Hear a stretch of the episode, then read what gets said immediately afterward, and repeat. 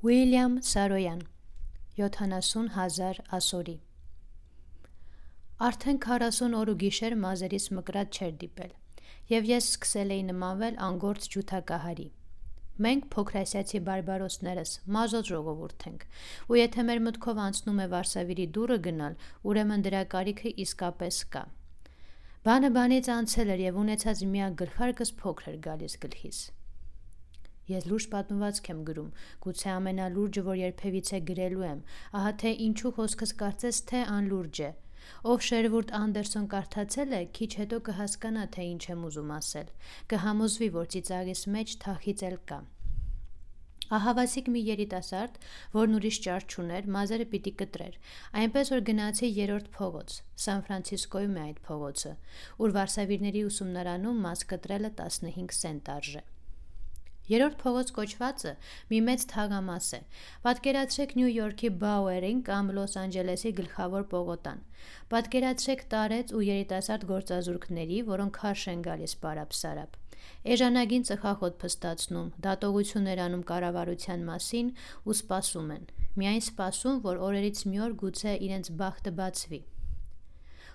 Օգոստոսն էր, երկուշաբթի առավոտ։ Վարսավիրանոցը լիքն էր այդ պարապ-սարապներով որ եկել էին մի քիչ մարդավարի տեսք տալու իրենց։ Ճապոնացի տղան, որ վերջերս ազատված աթոռն էր ստացել, 11 հաճախորդի ցուցակուն էր։ Մյուսներին սпасելն ավելի անհույս էր։ Նստեցի սпасելու։ Կես դու բեժանագին սիգարետ ունեի։ Հյուրասիրեցի ժամանակակիցներիցս մեկին, որը տեսքից դատելով նիկոտինի կարիք ուներ։ Ինքս էլ ծխեցի եւ ներս քաշելով դառը ծուխը միտք էի անում Ամերիկայի մասին քաղաքական, տնտեսական ու հոգևոր առումով։ Ժամանակակիցս թերևս 16 տարեկան լիներ, թերևս այովացի լիներ։ Բնությունից գերազանց տվյալներով ամբրակազմ մի ամերիկացի էր։ Միևնույն ժամանակ լիովին թևաթափ։ Քնի կարոտ, ով գիտե քանի օր շորերս չփոխած, սրտի մեջ վախ ու Աստված գիտե թե էլի ինչ։ Շատ կուզեի իմանալ նրա անունը։ Գրողը միշտ ուզում է, որ անուններն ու դեմքերը որոշակի լինեն։ Այովացին ասաց. Սալինասից եմ գալիս։ Սալաթի դաշտերում աշխատանք չկա։ Գնում եմ հյուսիս, Պորտլենդ։ Գուցե հաջողվի որևէ նավի վրա գործ գտնել։ Ես նույնպես ուզեցի իմ գործերից պատմել նրան, բայց վախենում էի իմ անախորժությունները խոսակցության նյութ դարձնել։ Գրողների հոգսերն ու դժվարությունները սովորաբար փոքրինչ անիրական են թվում ու ձանձրալի։ Մեկ էլ տեսար մեկն ու մեկը մտածեց. Հետո ինչ, դու էլ մի գրիր, խնդրողն ով է։ Այնպես որ լավ է ամենևին էլ ցույց չտաս, թե գրող ես։ Ասացի. Հաջողություն քեզ հյուսիսում։ Այովացին գլուխ նորորեց։ Հազիվ թե բան ստացվի, բայց փորձեմ։ Ինչ ունեմ կորցնելու։ Փարավոր տղա էր, հուսով եմ չի մեռել, հուսով եմ չի սարել այդ սաստիկ ցրտերին, հուսով եմ ոտնատակ չի գնացել, չի կորել, ապրելու արժանի էր։ Այովացի, հուսով եմ Պորտլենդում գործ ես գտել, հուսով եմ փող ես աշխատում, հուսով եմ կարքին սենյակ ես վարձել, մեջը տակ անկողին, հուսով եմ գիշերները քնում ես, կանոնավոր սնվում, մարդավայել ապրում, հուսով եմ երջանիկ ես։ Ամենայն բարիք քեզ, այովացի։ Քանի-քանի անգամ եմ աղոթել քեզ համար բայց միևնույն է ինձ թվում է հիմա նա արդեն չկա։ Մահը նրա մեջ դեռ այն օրն էր բույն դրել, երբ տեսա ասես հալածական գազանի նրա դեմքը։ Փողով մարդիկ ծիծաղում են մահվան վրա, իսկ վերջինս գախտագողի մոտենում է ու տանում այովացու նման երիտասարդներին։ Հարուստներն էլ ձևացնում են, թե ոչինչ չեն նկատել եւ իրենց համար ծիծաղում են տակ կինոսրահներում։ Ես աղոթել եմ այովացու համար եւ ինքս ինձ վախկոտ եմ համարում։ Թերևս նա արդեն չկա, մեռել է, իսկ ես, նստած իմ փոքրիկ սենյակում, խոսում եմ նրա մասին, միայն խոսում եմ։ Աչքս ճապոնացի տղայի վրա էր։ Աշկերտ վարսավիր էր։ Սափրում էր տարիքն առած մի թափարականի, որի դեմքին իրենց սարսափելի կնիքն էին թողել անտուն ու անապահով կյանքի տարիները։ Երբ ոչ միտեղ չես տնավորվել ու ոչինչ չունես, Ճապոնացի տղան աշխատում էր քիթն այնպես թեքել, որ ծեր թափարականի հոտը չառնի։ Չնչին մանրուք է սա, աննշան մի բան, որը արվեստի գործի մեջ տեղ բռնելու իրավունք էլ չունի։ Այնուհանդերձ ես հիշատակում եմ։ Երիտասարդ գրողին միշտ հետապնդում է որևէ նշանակալից փաստ աչքաթող անելու վախը, եւ նա ջանում է օգտագործել այն ամենը, ինչ տեսել ու նկատել է։ Ես ուզեցի իմանալ ճապոնացի տղայի անունը։ Անունները շատ են հետաքրքրում ինձ։ Ես համոզվել եմ, որ անհայտ մարդկանց անունները շատ արտահայտիչ են։ Նայելով ճապոնացի տղային, տեսնելով թե ինչպես է նա ջանում իր հոտարության զգայարանը հերու պահել ձեր թափարականի քիթ ու բերանից, ես փորձում էի հասկանալ այդ տղայի մտքինն ու սրտինը։ Տարիներ առաջ, երբ 17 տարեկան էի, խաղողի վազեր էի ետում հորեղբորս այգում, Սանջերից հյուսիս։ Ինձնից բացի այնտեղ աշխատում էին մի քանի ճապոնացիներ՝ Ցոշիո Ինոմոտոն, Հիդեո Սուձուկին, Կացումի Ցուջիմոտոն։ Նրանցից մի քանի ճապոներեն բարեր էի սովորել։ Բարև, ինչպե՞ս ես, լավ է օրը թե ոչ, ցտեսություն եւ այլն։ Աշքերտ Վարսավիրին ասացի ճապոներեն, ինչպե՞ս ես։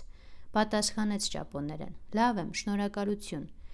Հետո հարցրեց անթերի անգլերենով. Դուք ճապոներեն գիտեք, ապրել եք Ճապոնիայում։ Ես ասացի.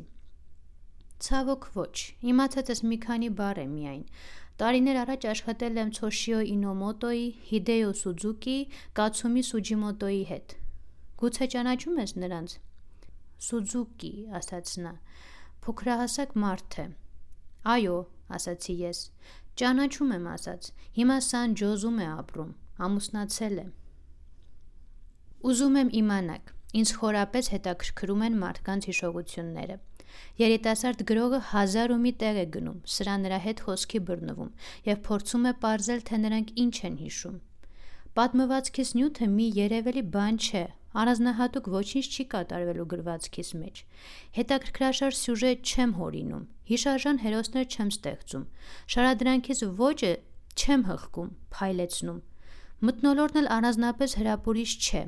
Ես չեմ տենչում այս պատմվածքը կամ մեկ ուրիշը Saturday Evening Post-ի կամ Harper's-ի գլխին կապել։ Ես փառք չեմ տենչում։ Իմ նպատակը Պուլիցերյան, Նոբելյան կամ որևէ այլ մրցանակ շահելը չէ։ Ես այստեղ եմ, հերավոր արևմուտքում, Սան Ֆրանցիսկոյում, Կար Սթրիթի վրայի մի փոքրիկ սենյակում նստած նամակ եմ գրում հասարակ մարդկանց։ Պարզ լեզվով պատմում նրանց ծանոթ բաների մասին։ Պարզապես գրառումներ եմ անում, այնպես որ եթե մի քիչ էլ շեղվում ու դեսուդեն եմ ընկնում, նրանից է որ շտապելու բան չունեմ, եւ մեկ էլ որ անտեղյակ եմ պատմվածք սարքելու կանոններին։ Եվ եթե մի բան կա, որից դրթում է գրելու, ասելն է, որ մարդը մարդու եղբայրն է։ Այս հայտարարությունը մի քիչ վերամբարձ է հնչում։ Մարդ առհասարակ ամաչում է նման հայտարարություններից, վախենում է փորձված մարդիկ ծիծաղեն իր վրա, բայց դա ինձ քիչ է հետաքրքրում։ Խնդրեմ, թող ծիծաղեն։ Էլ ինչի համար է նրանց փորձը։ Ինձ համար ցեղեր գոյություն չունեն, ես չեմ հավատում կառավարություններին։ Կյանք ասելով հասկանում եմ ահա այս մեկի կյանքը՝ ծնունդից մինչև մահ։ Եվ այսպիսիք աշխարհում բազում միլիոններ են։ Երեխաները, որ դեռ չեն սովորել խոսել եւ ոչ մի լեզվով, միակ ցեղն են երկրագնդի վրա՝ մարդկանց ցեղը, Մնացած ամեն ինչը կեղծիք է ու խափեություն։ Այն ամենը, ինչ մենք կոչում ենք քաղաքակրթություն, ատելություն, սարսափ, ուժ։ Իսկ երեխան երեխա է, մարկանց եղբայրությունը մանկան ճիչ ու լացի մեջ է, լացող երեխաների մեջ։ Մեծանում ենք, լեզու սովորում եւ աշխարհ ընկալում մեր իմացած միակ լեզվի միջոցով։ Չենք ընկալում բոլոր լեզուների միջոցով կամ էլ առանց որևէ լեզվի, ասենք լրությամբ։ Փակվում ենք մեր իմացած միակ լեզվի մեջ։ Այն ինչ հավերժական է ու անսահման դառնում է սոսկ բառ։ Ուզածս միակ բանը բոլորին հասկանալի լեզվով խոսելն է, մարդկային սրտի լեզվով, որն անմահ է ու հավասարապես հարազատ բոլորին։ Եվ ահա ինձ մեղավոր ու անօքնական եմ զգում։ Խոսեցի երկար բարակ եւ այնպես էլ ոչինչ չասացի։ Սա է որ խենթացնում է երիտասարդ գրողին, այս զգացումը, որ ոչինչ չես ասել։ Շարքային մի լրագրող եղած չեղածը կտեղավորի երկու բառանոց վերնագրի մեջ։ Մարդը մարդ է, կասինա։ Խորհրդավոր մի բան, տակը հազար ու մի իմաստ, բայց ես ուզում եմ խոսել այնպիսի լեզվով, որ ասածս մեկ իմաստ ունենա։ Այնքան եմ ուզում այդ իմաստը որոշակի լինի, որ ահա խոսքս անորոշ է դառնում։ Թափառում եմ խնդրո առարկայի շուրջ, փորձում դիտել բոլոր կողմերից, որ ամբողջովին տեսնեմ նրա պատկերը, տեսնեմ ամբողջությամբ։ Սիրտը, մարդու սիրտն եմ ուզում դնել իմ այս պատմվածքի մեջ։ Թույլ տվեք ուրեմն մի փորձել անեմ։ Արդեն երկար ժամանակ մազերս չէի սարքել, ու այնքան թափթփված տեսք ունեի, որ ստիպված գնացի երրորդ փողոցի վրա գտնվող Վարսավիրանոց ու բազմեցի աթոռին։ Ասացի. Ետևից շատ կթողնես, գլուխս երկարավուն է։ Ետևից թե շատ չթողնես, այստեղից դուրս կգամ ձիու կերպարանքով։ Վերևից ինչքան ուզում ես վերցրու։ Լվալ թրջել չկա, չոր-չոր սանրիր։ Կարդալը մարդուն գիտակ է դարձնում գրելը շիտակ։ Սա է եղած չեղածը, բայց սրանով պատմվածք չի ստացվում, որովհետև միջև հիմա աչքաթող եմ արել Վարսավիրիս, այն երիտասարդին, որը սարքեց մազերս։ Նա նիհարեր ու բարձրահասակ, դեմքը թուխ ու լուրջ, հաս շրթունքներ ասել ժպտում էին, բայց տխուր, թարթիչները խիտ էին, աչքերը թախծոտ, քիթը խոշոր։ Հայելուն փակցված քարտի վրա գրված էր անունը Թեոդոր Բադալ։ Հաճելի անուն, հաճելի երիտասարդ։ Թեոդոր Բադալը սկսեց զբաղվել իմ գլխով։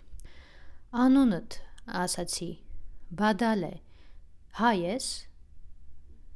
Ես ինքս հայ եմ։ Արդեն ասած կլինեմ։ Մարդիկ նայում են ինձ ու զարմանում եւ ես ասում եմ նրանց. Ես հայ եմ։ Կամ կարդում են գրածներս ու զարմանում։ Ես էլ բացատրում եմ. հայ եմ, ասում եմ նրանց։ Անիմաստ բացատրություն է, բայց ինչ արած նրանք սպասում են, ես էլ ասում եմ։ Ես չեմ հասկանում, թե ինչ է նշանակում հայ կամ անգլիացի կամ ճապոնացի լինել։ Քիչ թե շատ հասկանում եմ, թե ինչ է նշանակում այս աշխարհում ապրող մարդ լինել։ Միայն դա է ինձ լրջորեն հետաքրքրում։ Մեկ էլ թենիսը։ Հույս ունեմ, որ երբևիցե կգրեմ թենիսին նվիրված խոհափիլիսոփայական մի մեծ գործ, ինչպես Հեմինգուեի մահը կեսօրից հետոն, բայց գիտակցում եմ, որ դեռևս պատրաստ չեմ նման գործ ձեռնարկել։ Զգում եմ, որ եթե թենիսը լայնորեն տարածվի հողագնդում, շատ կնպաստի ցեղային տարբերությունների, նախապաշարումների, թշնամանքի եւ այլնի վերացմանը։ Հենց կատարելության հասցնեմ սկզբի հարվածը եւ գնդակը կտրելը, կսկսեմ աշխատել այդ մեծ գործի վրա։ Փորձված մարդկանց գուցե թվա, թե ձեռ եմ առնում Հեմինգուեին։ Ամենևին, Մահը կեսօրից հետոն ուժեղ արցակի նմուշ է։ Իբրև արցակի այդ գործի դեմ երբեք ոչինչ չեմ ունեցել։ Ոչինչ չունեմ դրա դեմ եւ իբրև փիլիսոփայության։ Կարծում եմ, որ դա ավելի լավ փիլիսոփայություն է, քան այն, որ այլոց գործերում է հանդիպում։ Հեմինգուեյը նույնիսկ երբ հիմարություններ է ասում, չի կորցնում բարեխղճությունը։ Նա պատմում է այն, ինչ իսկապես տեղի է ունեցել, բայց թույլ չի տալիս, որ դեպքերի արագ ընթացքն իր նկարագրությունը դարձնի հապճեպ։ Իրականությունը շատ է անցողիկ, եւ նրա անշտապ ակնթարթի իմաստը պահպանող նկարագրությունը արդեն մեծ բան է։ Որոշ նվաճում է գրականության համար։ Հա ես, հարցրի ես։ Մենք փոքր ժողովուրդ ենք, եւ երբ մերոնցից երկու հոգի հանդիպում են, արդեն իրադարձություն է։ Մենք մեր շուրջը մշտապես փնտրում ենք մեկին, որի հետ մեր լեզվով կխոսենք։ Մեր քաղաքական կուսակցությունները պնդում են, թե երկրագնդի վրա շուրջ 2 միլիոն հայ է ապրում, բայց մեզնից շատերը այդ կարծիքին չեն։ Հաճախ ենք մենք թուղթ ու մատի տարած նստում եւ մտովի աշխարհի մի ծայրից մյուսը թրջելով փորձում հաշվել թե քանի հայ ապրելիս կլինի այս կամ այն երկրում՝ սովետական Հայաստանում, Ռուսաստանում, Հնդկաստանում, Եգիպտոսում, Իտալիայում, Գերմանիայում, Ֆրանսիայում, Ամերիկայում, Ավստրալիայում եւ այլն։ Յուրաքանչյուրի դիմաց հավանական ամենաբարձր թիվը դնում, ապա բոլորը գումարում իրար եւ ստանում ընդհանուր մի թիվ, որը միլիոնին էլ չի հասնում։ Հետո սկսում ենք մտածել, որ մեր ընտանիքները բազմանդամ են, մանկածնությունը մեզ մոտ բարձր է, մահացությունը ընդհակառակը, ցածր, չհաշված պատերազմի տարիները, երբ կոտորածները անհաշիվ կյանքեր տարան։ Սկսում ենք պատկերացնել, թե ինչքան արագ կբազմանանք, եթե գոնե մի քառորդ դար մեզ հանգիստ թողնեն։ Համարյա մխիթարվում ենք ու մեզ բավականին երջանիկ զգում։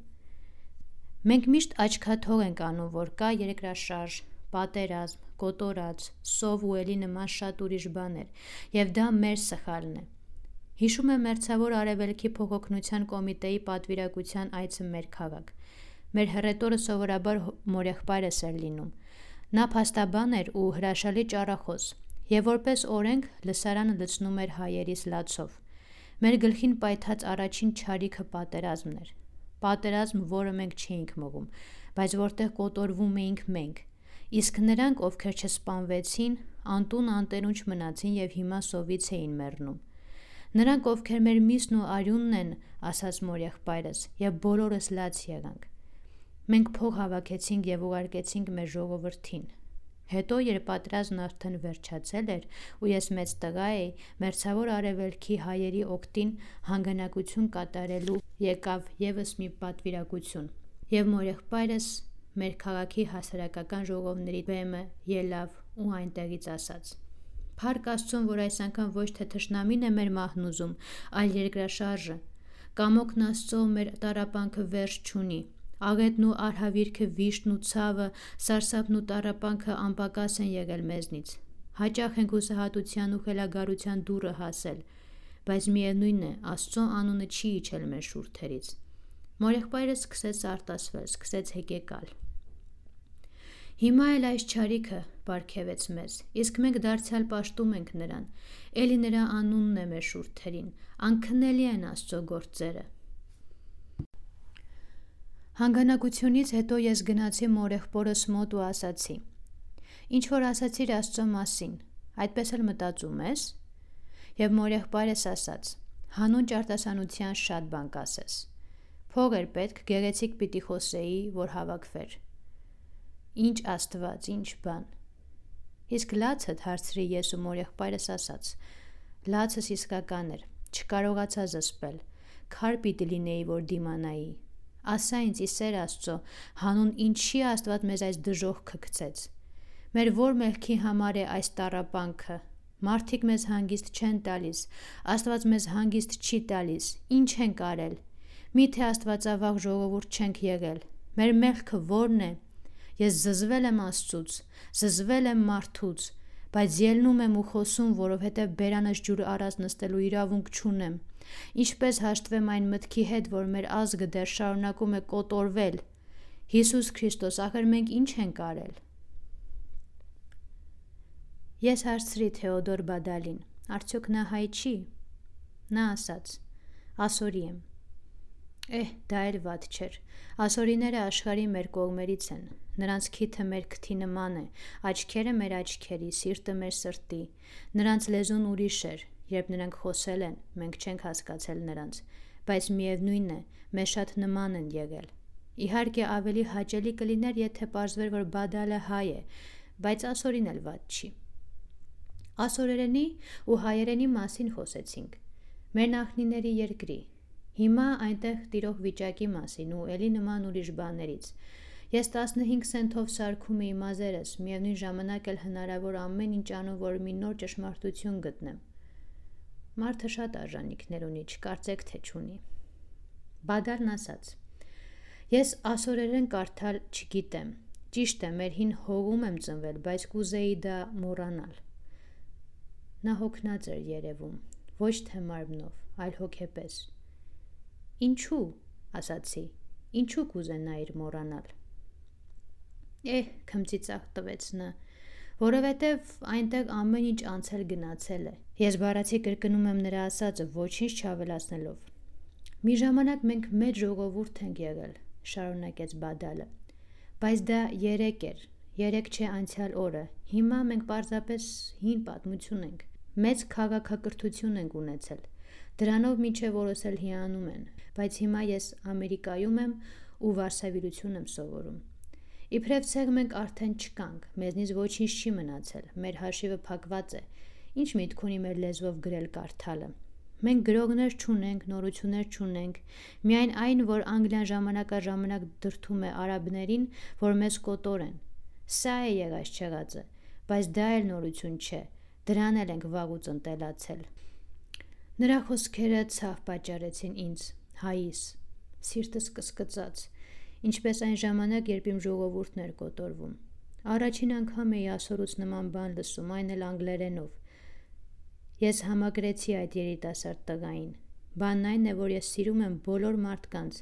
նույնիսկ Հայաստանի թշնամիներին, որոնց անունը, ինչպես տեսնում եք, ներփանկատորեն չեմ տալիս։ Թե ովքեր են դրանք, ամենքին է հայտնի։ Առանձին առանձին վերցրած նրանցից եւ ոչ մեկի դեմ ես ոչինչ չունեմ,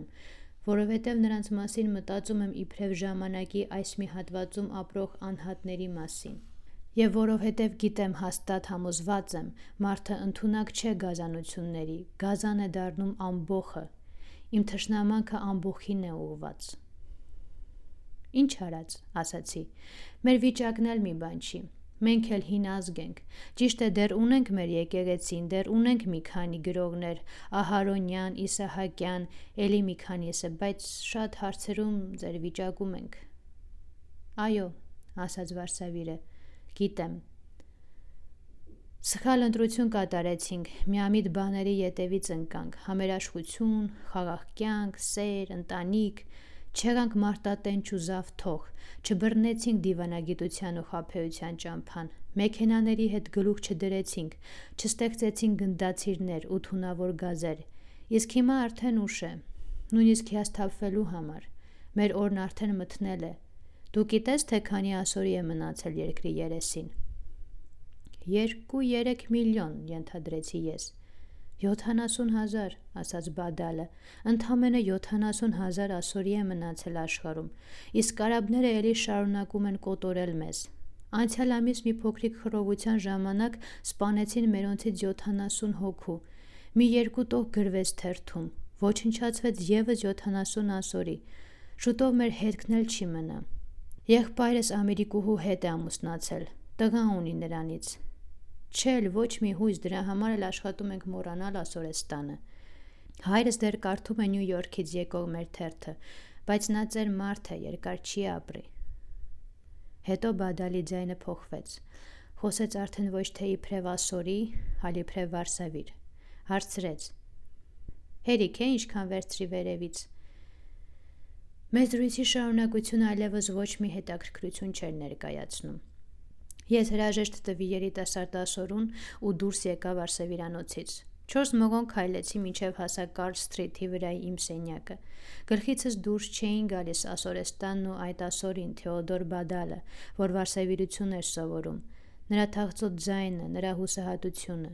Այն ժամանակից ի վեր ես Ասորեստանի մասին էի մտածում ու ցանկություն զգում մի բան ասել Թեոդոր Բադալի մասին հինավուրց ցեղի նորորյա որդու երիտասարդ, ուժեղ, երանդով լի, բայց եւ հուսալքված մարդու մասին։ 70 հազար ասորի, ընդամենը 70 հազար ասորի է մնացել երբեմնի մեծ ժողովրդից։ Մյուսները մահվան գիրկն են անցել։ Նրանց հետ էլ փոշիացել է ու ցիրուցան եղել ազգի երբեմնի մեծությունը։ Եվ ահա այսօր այդ ազգից մի երիտասարդ Ամերիկայում վարսավիրություն է անում, եւ կսկիծը հոգում գանգատվում պատմության ընթացքից։ Ինչու ես սյուժեներ չեմ հորինում, չեմ գրում սիրային գեղեցիկ պատմություններ, որոնցից հեշտությամբ կինոնկար կսարքվի։ Ինչու զեր չեմ քաշում այս անշնորհակալ ու ձանձրույթ պատճառող նյութից։ Ինչու չեմ ջանում հաճոյանալ ընթերցող հասարակությանը։ Է, լավ, ես հայ եմ, բայց Մայքլ Արլենը նույնպես հայ է եւ կարողանում է դուր գալ հասարակությանը Ես մեծապես հիացած եմ նրանով, փայլուն ոչ ունի։ Տիրապետում են նման մյուս բաներին, բայց ես ցանկություն չունեմ գրելու այն մարդկանց մասին, որոնց մասին նա է գրում։ Դրանք մարդիկ չեն, դիակներ են։ Իսկ այովացին, ճապոնացին, Թեոդոր Բադալը ուրիշ են։ Գուցեև նրանք մահվան դուրը հասած լինեն ֆիզիկապես, ինչպես այովացին կամ հոգեպես ինչպես Բադալը, բայց նրանցում կա այն, ինչը հավերժական է մարդու մեջ եւ հենց դա է հետաքրքիրն ու հուզողը։ Այսպիսիներին չեք հանդիպի շքեղ վայրերում։ Այսպիսիներին կգտնեք այնտեղ, որտեղ ես գտա,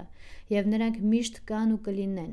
Նրանք են ցեղը մարդկային, մարդու էության այն մասը, որը որչափ Անգլիայինն է, նույն չափ էլ Ասորեստանինը, որը անհնար է ոչնչացնել, որը չի կարող ոչնչացնել ոչ կոտորածը, ոչ երկրաշարժը, ոչ սովը, ոչ խելագարությունը, որն ընդհանրապես ոչ մի ուժ չի կարող ջնջել աշխարհի երեսից։ Այս պատմվածքը նվիրվում է Այովային, Ճապոնիային, Հայաստանին, Ասորեստանին եւ մարդկային ցեղին, այդ ցեղի արժանապատվությանը, բոլոր ապրողների եղբայրությանը։ Ես չեմ ակնկալում, թե Paramount Pictures-ը այս գործից կինոնկար կսարքի։ Հիմա ես մտածում եմ 70 հազար ասորիների մասին, որոնցից յուրաքանչյուրն ինքնին մի մեծ ցեղ է։ Մտածում եմ Թեոդոր Բադալի մասին, որպես 70 հազար ու նույնիսկ 70 միլիոն ասորու, որպես ամբողջ Ասորեստանի մասին, մի մարդու մասին, որն այսօր 1933-ին Սան Ֆրանցիսկոյում Վարսավիրանոցի սրահում թե իր կյանքն է ապրում եւ թե կանգնած է որպես մի մեծ ցեղ։